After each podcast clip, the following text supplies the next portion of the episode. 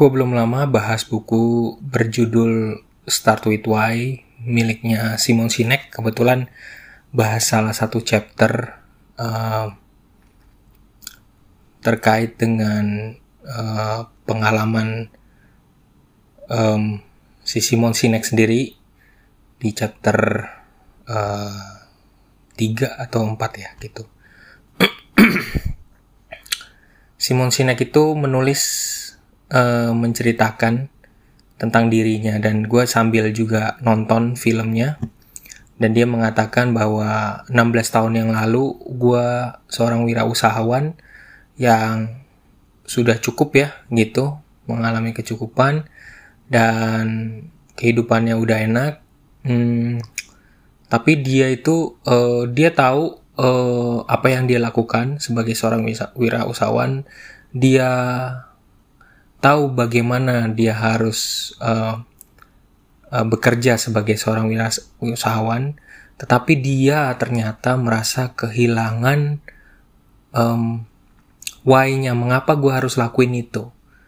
Dan itu menjadi dia bergumul dengan dirinya sendiri. Why, kenapa gue harus lakuin ini gitu. Dia nggak nemuin maknanya. Maka dia akhirnya um, menelusuri kembali perjalanan flashback gitu ya, melihat why-nya kenapa gue harus melakukan pekerjaan sebagai seorang pengusaha gitu. Karena dia nggak menemukan, mungkin kan nemuin kegairahan, hmm, drop, dia drop, dia bingung, uh, dia resah, dia mungkin burn out dan segala macem.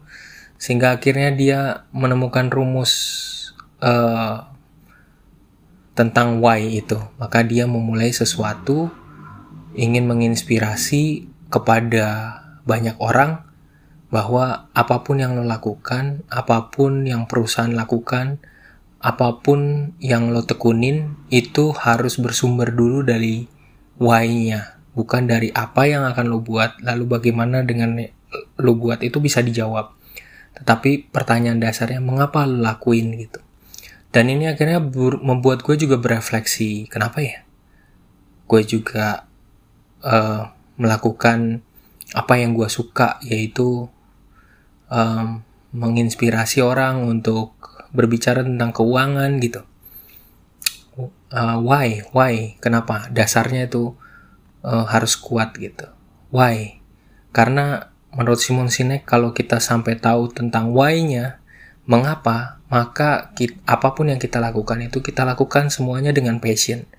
Dan dengan sabar dan dengan teguh dan pastinya dengan passion. Nah itu yang menjadi uh, uh, sebuah tantangan uh, besar ya. Dan ketika kita tahu why-nya itu membuat kita merasa puas, merasa uh, kita punya dasar yang kuat.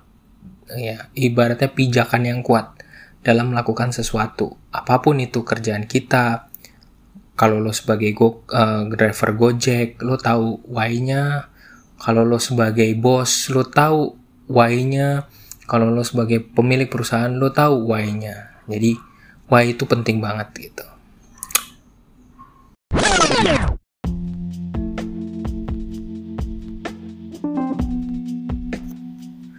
Selamat pagi guys, saat gue pusing gue biasanya minum kopi. Dan kalau naik kereta belum sempat makan pagi gue suka beli kopi minuman kecil namanya Whiteside uh, rasa kopi. Ini ada adalah white milk uh, Australia yang uh, rasanya unik banget. Kopinya tuh unik banget rasanya dan gue nyaman banget.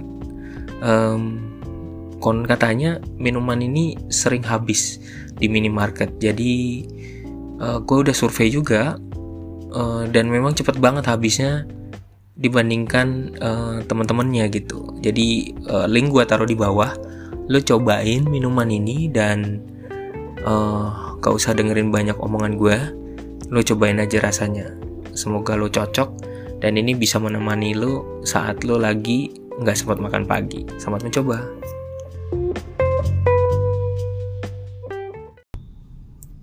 Nah, jadi gue lanjut ya.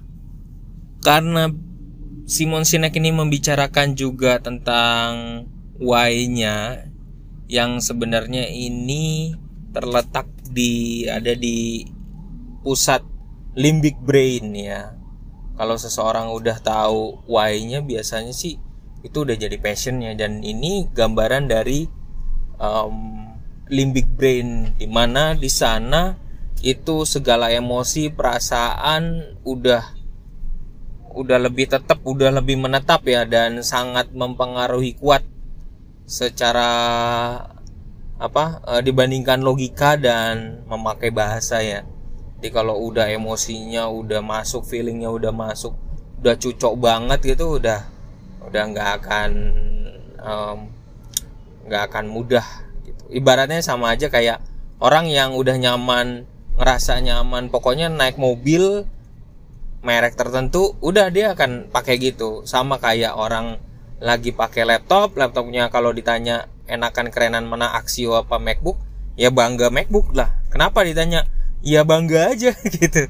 Ya karena uh, di sana ada ada nilai value yang yang sudah uh, tertanam gitu ya Lalu pesan apa yang kita dapat tarik dari pemikiran Start with Why ini ya si Simon Sinek terkait dengan limbic brain dan uh, ap apa pun segala sesuatu itu harus ditanyakan oleh why-nya. Why itu akan menjadi dasar kenapa kita melakukan sesuatu. Apa pun itu. Ketika seseorang udah biasa rajin nabung, memang dasarnya suka investasi, mau dia mau kaya mau miskin ya dia akan ngelakuin hal yang sama gitu. Akan itu akan kuat gitu. Apakah bisa berubah? Bisa gitu.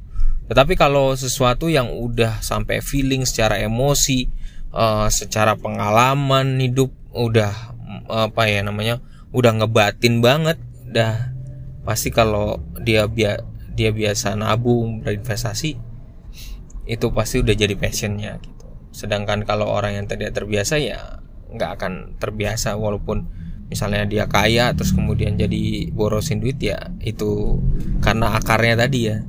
Karena pemahamannya belum sampai why-nya belum sampai dalam kenapa orang harus uh, menyimpan uang berinvestasi apakah ya gitu. Selamat pagi selamat beraktivitas salam dari gue lembu tambun